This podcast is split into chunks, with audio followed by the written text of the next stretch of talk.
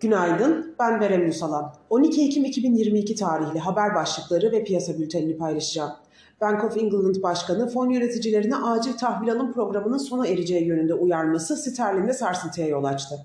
ABD Başkanı Biden resesyon ihtimalini küçümserken yatırımcılar ve uzmanlar onunla aynı görüşte değil.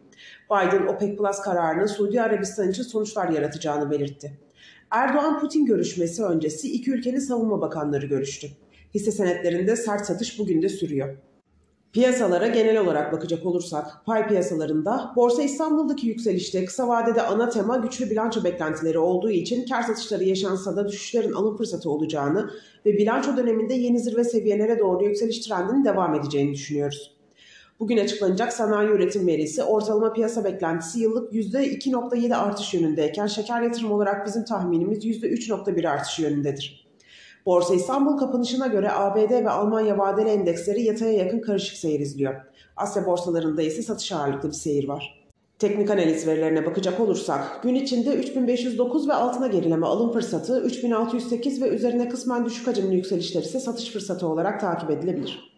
Viyop tarafında ise gün içi long pozisyonlar için 3963, short pozisyonlar için 4004 seviyeleri zarar kes seviyesi olarak izlenebilir. Borsa İstanbul'un ve endeks kontratının güne yataya yakın bir eğilimle başlamasını bekliyoruz. Kazançlı günler dileriz.